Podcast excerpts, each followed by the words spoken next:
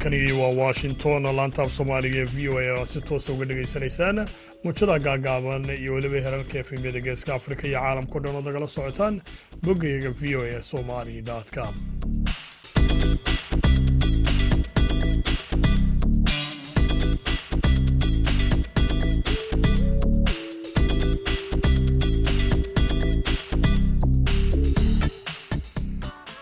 wanaagsan dhammaantiinba dhegaystayaal meel kastoo aad joogtaanba waa koob iyo tobanka bisha sebtembar ee sanadka laba kun iyo saddexiyo labaatan waana duhurnimo isniin ah haatan dhegaystayaal saacadda afrikada bari waxay tilmaamaysaa kowdii iyo barhkii duhurnimo. Idaacaddana waxaa halkan idinkala socodsiin doona.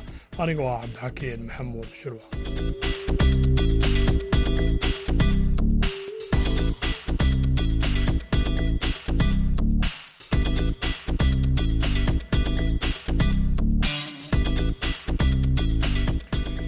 qodobada dhegeystayaal aad ku maqli doontaan idaacadda duhurnimo ee barnaamijka dhallinyarada maantana waxaa ka mid ah haween farsamo ay ku shaqaystaan lagu baro magaalada boorama.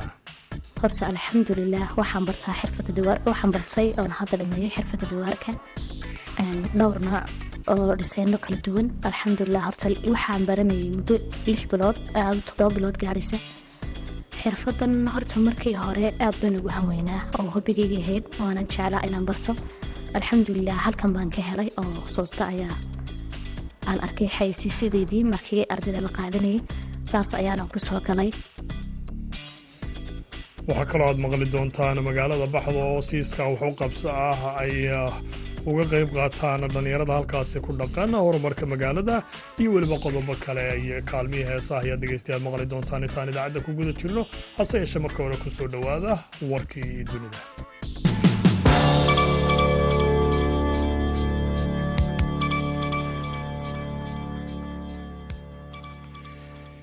xildhibaan ka tirsan maamul goboleedka galmudug ayaa ka mid ah saddex qof oo ku dhintay qarax maanta ka dhacay. Magaalada ceelgaras oo ay qabsadeen ciidamada dowladdu. Xildhibaane maxamed maxamuud oo ku magac dheeraa maxamed yare ayaa ka mid ahaa saddex qof sida uu idaacadda v o a u xaqiijiyey. Wasiirka warfaafinta galmudug abshiir cabdishiikhow waxaa sidoo kale qaraxaasi ku dhintay mid ka mid a xildhibaanada golaha deegaanka ee magaalada dhuusamareeb qaraxan ayaa dhacay iyadoo ciidamada dowladda soomaaliya ay qabsadeen ceelgaras oo ku taalla meel u dhexaysa magaalooyinka dhuusamareeb iyo weliba ceelbuur ciidamada dowladda ayaa maalmahan howlgalla ka wadaa deegaanada u dhexeeya dhuusamareeb ilaa ceelbuur toddobaadkii hore ayaa deegaan u dhow ceel helay lagu dilay saddex ka tirsan al-shabaab kadib howlgal ay sameeyeen ciidamada dowladda soomaaliya kooxaha samata bixinta ka wada dalka morocco ayaa maanta wada baadhitaan ay ku raadinayaan haddii ay jiraan dad ka badbaaday dhulgariirkii xoogganaa ee ay ku dhinteen. In ka badan laba kun iyo boqol qof. Dowladda ayaa sheegtay in kooxaha waxbaadhaya oo ka socda ama kooxo waxbaadha oo ka socda dalalka britain spain qatar iyo weliba isutanka imaaraadka carabtu ayaa ku biireen dadaalada lagu baadi goobayo islamarkaana lagu qodayo tuulooyinka ku yaalla buraleyda atlas dhulgariir xooggiisu yahay lix dhibic sideed magnitude ayaa habeennimadii jimcihii ka dhacay dalkaasi iyadoo dadka ay dhaawacyadu ka gaadheenna ay ka badan yihiin laba kun iyo afar boqol qof. Qiimeyn waaxda dhulka ee maraykanku ay samaysay ayay ku sheegeen in ubuucda dhulgariirka amaba halkii ugu badnaa ee ugu xoogganaa ay ahayd labiiyo toddobaatan kilomitir oo ku taalla koonfur galbeed magaalada maraakish qaramada midoobay ayaa iyaduna ku qiyaastay in ilaa iyo saddex boqol oo kun oo qof dhulgariirkan uu saameeyey kaasi oo ahaa kii ugu awood badnaa ee ka dhacaa dalkaasi morocco muddo qarniya. Ugu dambeyntiina warbaahinta kuuriyada koonfureed ayaa maanta ku warantay in hogaamiyaha kuuriyada waqooyi kim jong un ay suurtagal tahay inuu ruushka uu tago si uu halkaasi kulan ugula soo yeesho madaxweynaha ruushka valadimir putin. Iyagoo soo xiganaya saraakiil dowladda ah ayaa warkoodani ay ku xuseen inuu tareen gaar ah oo kim kaga baxayo pyongyang islamarkaana uu kulanka uu la yeelanayo putin uu dhici doono subaxnimada salaasada. Saraakiil maraykan ah ayaa toddobaadkii hore sheegay in kulanka kim iyo putin ay ahayd inuu dhaco bishan. Afhayeenka golaha amniga qaranka maraykanka john kebry ayaa arrintan ka hadlay isagoo muujiyo dareen ah in kuuriyada waqooyi ay eegeyso inay taageero militari ay siiso ciidamada ruushka ee ka dagaalamaya dalka ukraine dhegeystayaal qodobadii wararka adduunka ugu waaweynaana waa naga intaa haatanna u diyaar garooba qaybaha dambe ee idaacadda duhurnimo ee barnaamijka dhallinyarada maanta.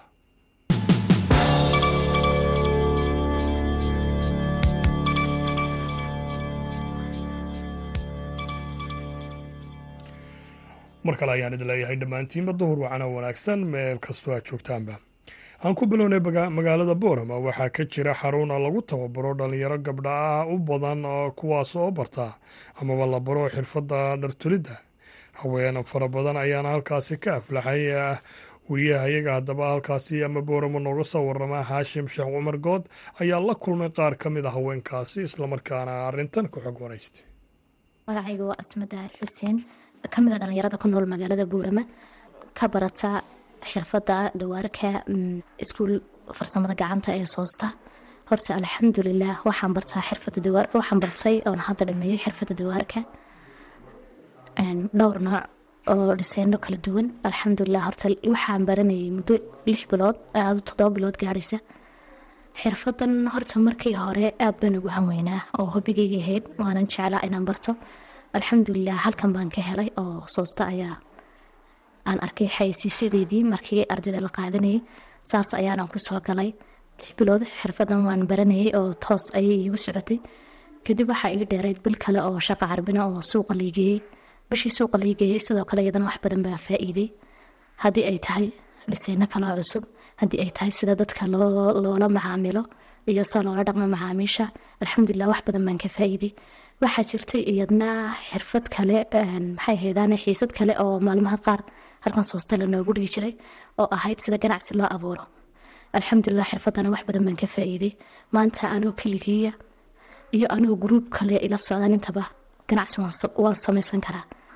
Waxyaabaha lanagu baray waxaa ka mid ahaa ganacsiga waxyaabaha dili kara waxyaabaha hoosudhac ku keeni kara waxyaabaha ganacsiga suuqa ka xidi horjoogsada sida loo suuq geeyo sida maxay ahaydaane loo abuuro iyo adugu halkii ugu hoysad ka bilaabi lahayd ilaa iyo maxay ahaydaane heerade aw ganacsigu noqdo mid isagu isa soo saara marka hadday tahay buughaynta hadday tahay maxay ahaydaane qalabkii loo baahnaa ganacsigii lagu bilaabayay hadday tahay shaqaalihii oo dee u baahan isaguna in waqti fiican la siiyo oo shaqaalo firfircoon oo shaqaalo dadka soo jiita waxyaabo aada u fara badan baan iyadana ka faa-iiday.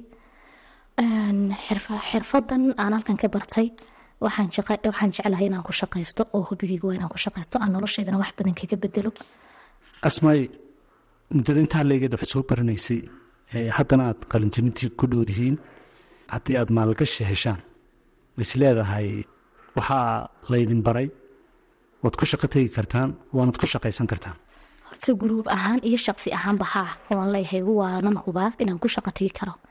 Haddii aniga shaqsi ahaantayda tahay haddii ay kuwa kale ila mida tahayba xirfadaa lana baray qof walba toos maasha allah si fiican buu ugu shaqaynaya.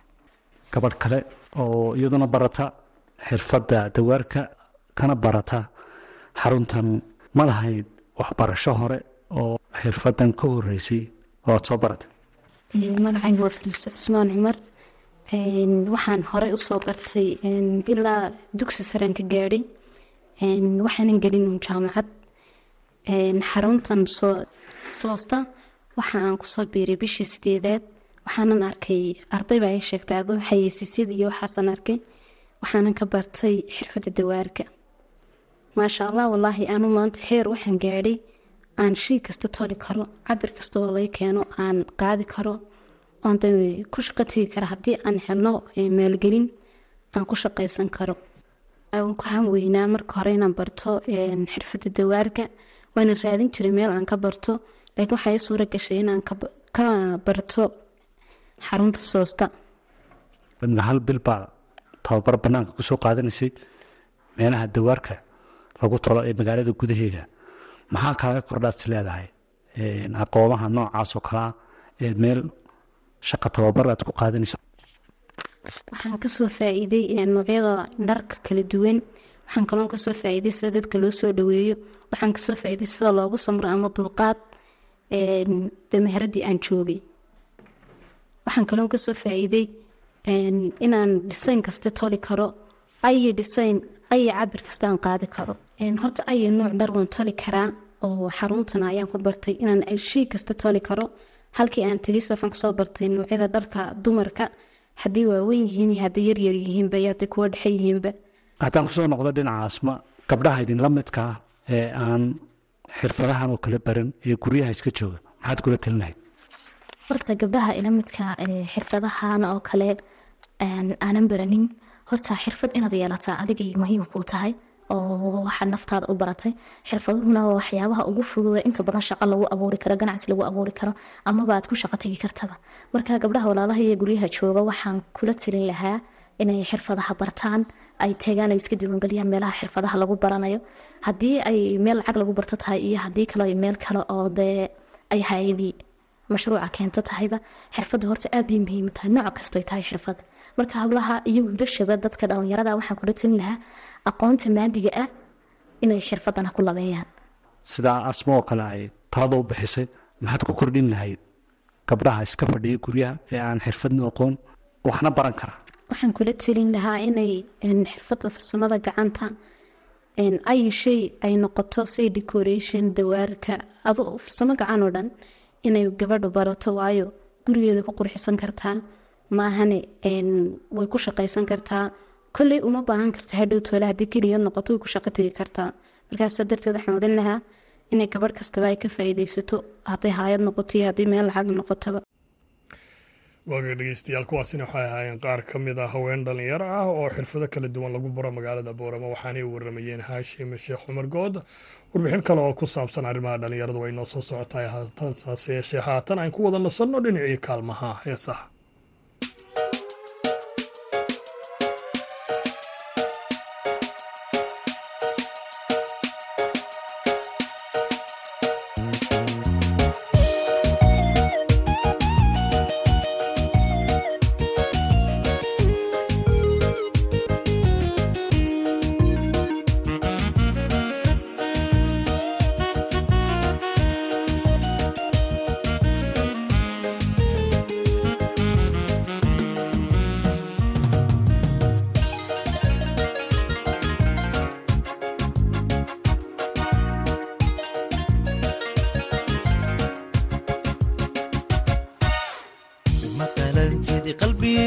qalbigaaga jabay uma qalantid uma qalantid niyadaada qasan uma qalantid uma qalantid saadan iyo xada uma qalantid uma qalantid qalbigaaga jabay uma qalantid uma qalantid niyadaada qasan uma qalantid uma qalantid qisaadan iyo xada uma qalantid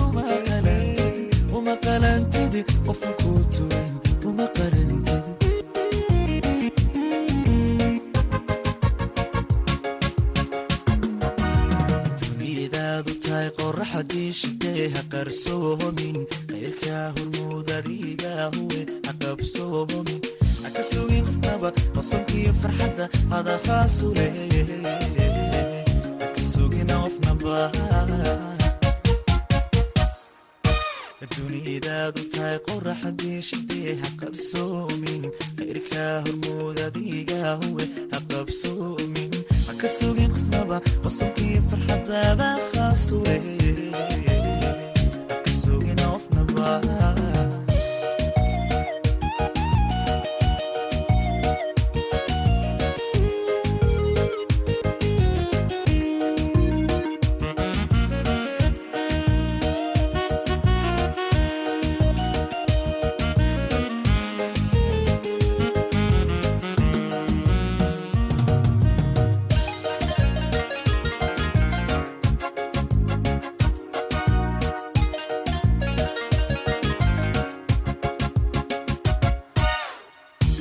ilmaadaada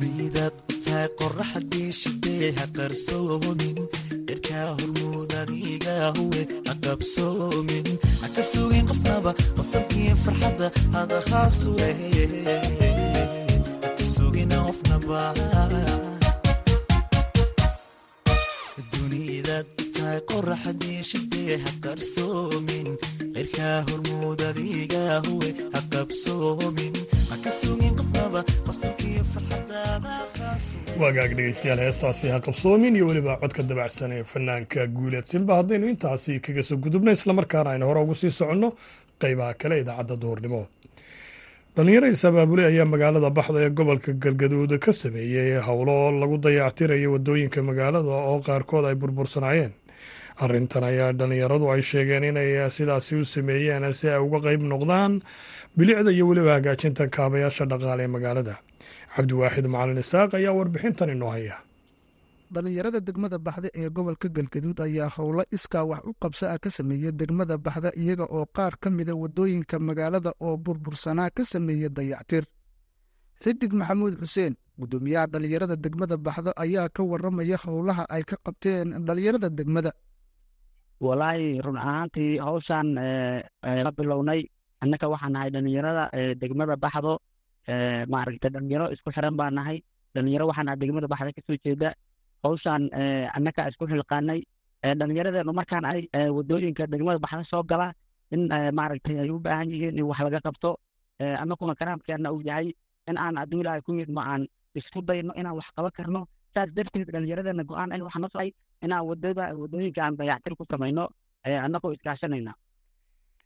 Hawshan bilowgeedii marka aad bilaabeyseen maxaad ku aragteen waddooyinka?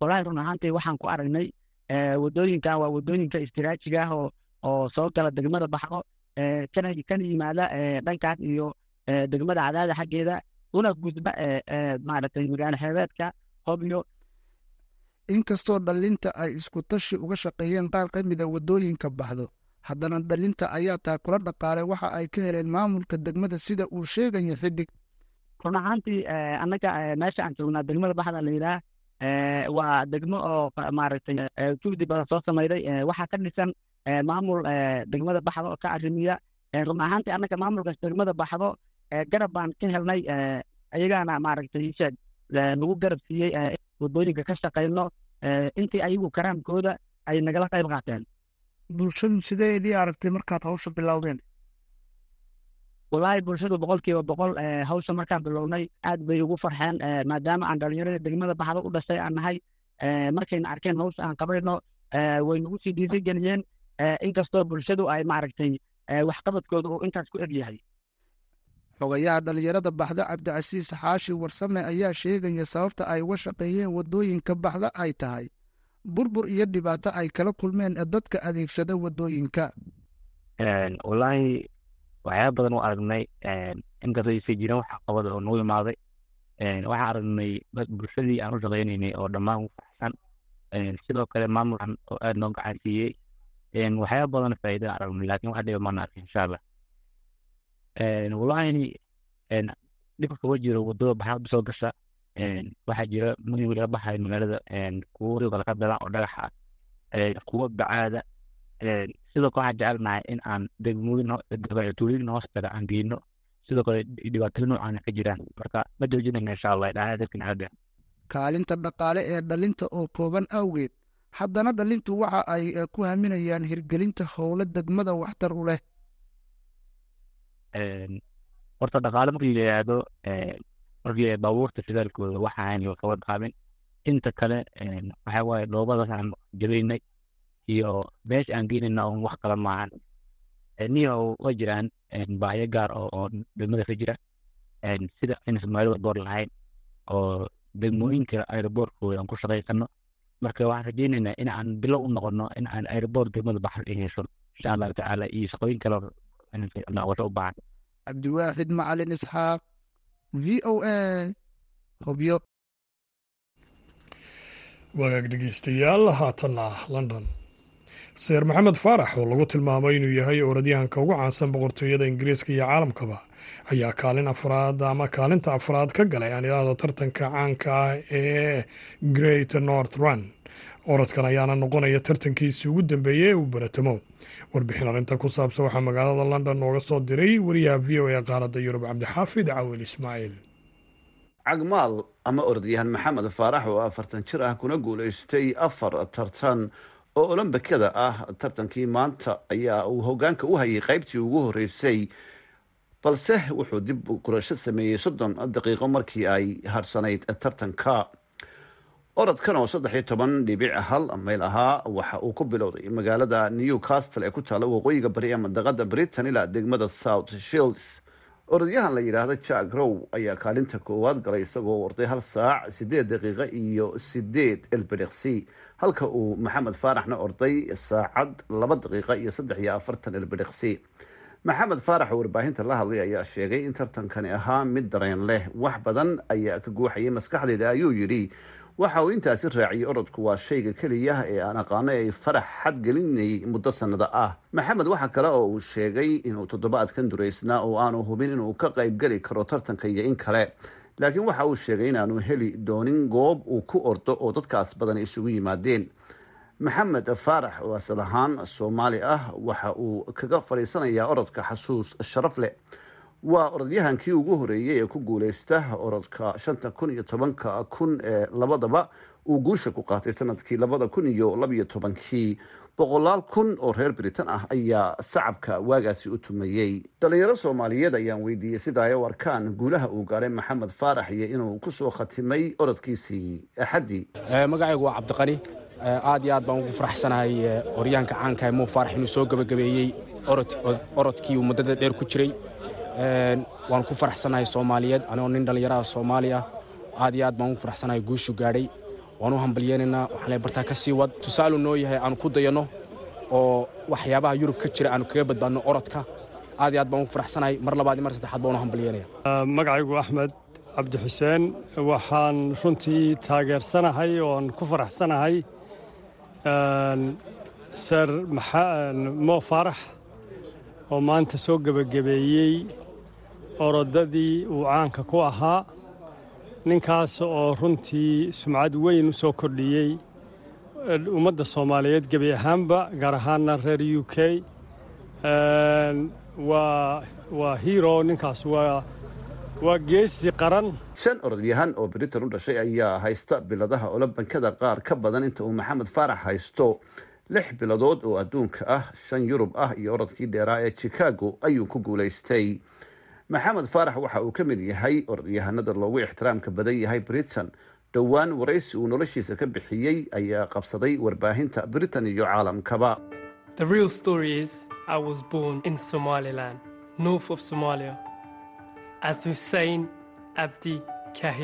maxamed faarax oo magaciisa dhabta ahi sida uu ku xaqiijiyey waraysigii uu bixiyey layidhaahdo xuseen cabdi kaahin bilad sharafeed ayay siisay boqoradii dhimatay ee boqortooyada ingiriiska.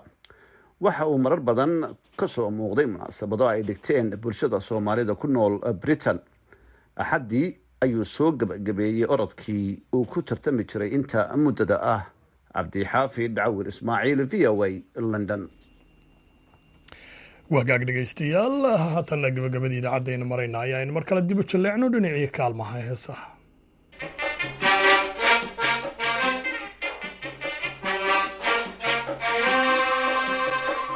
Baddu inay madowdahay ma moogta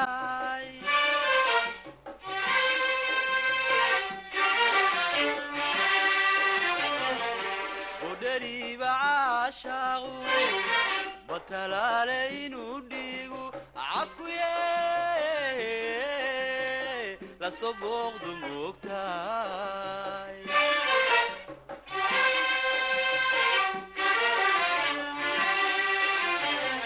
baddu inay madowdahay biyo tahay ma moogtahay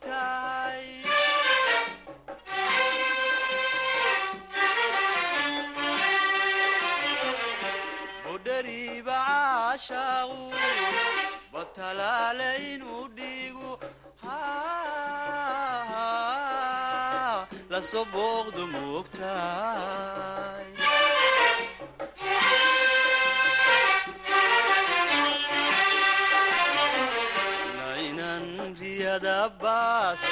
bartamaha habeenkee nainan riyada baas bartamaha habeenkee barkimada ku moodon beer ka saaro moogtahay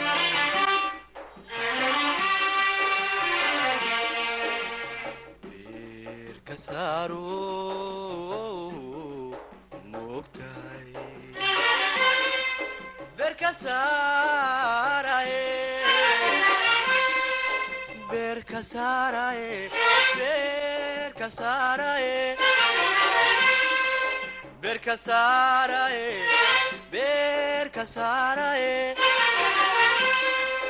beer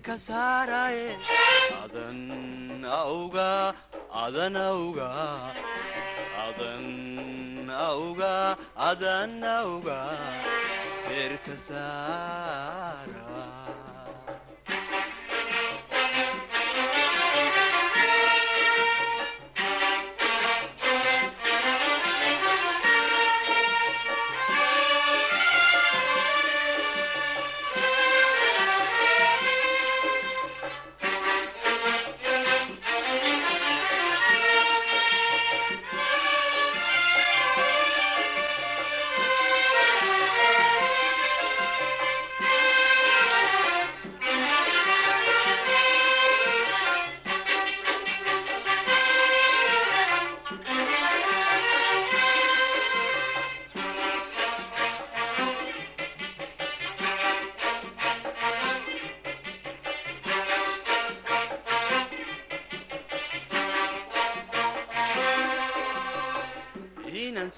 banjoog cawo baadiyoobay moogtahay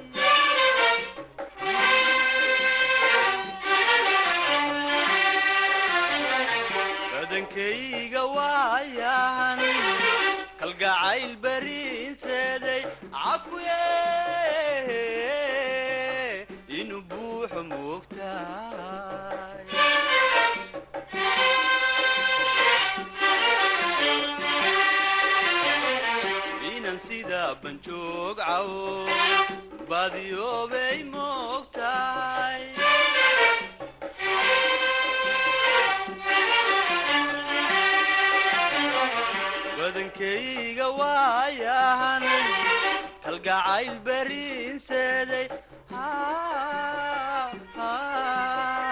inuu buuxo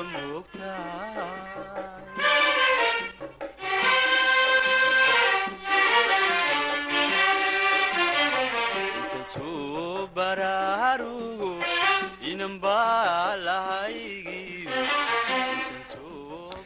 wagaag dhegeystayaal codkaasi dabacsan ee fanaanka axmed cali cigaal aynu intaasi kaga nimaadno heestaasi ayaana dhegeystayaal ugu dambeysay idaacaddii hornimo ee barnaamijka dhallinyarada maanta. Tan iyo kulanti dambe waxaan idin leeyahay sidaa iyo nabadgelyo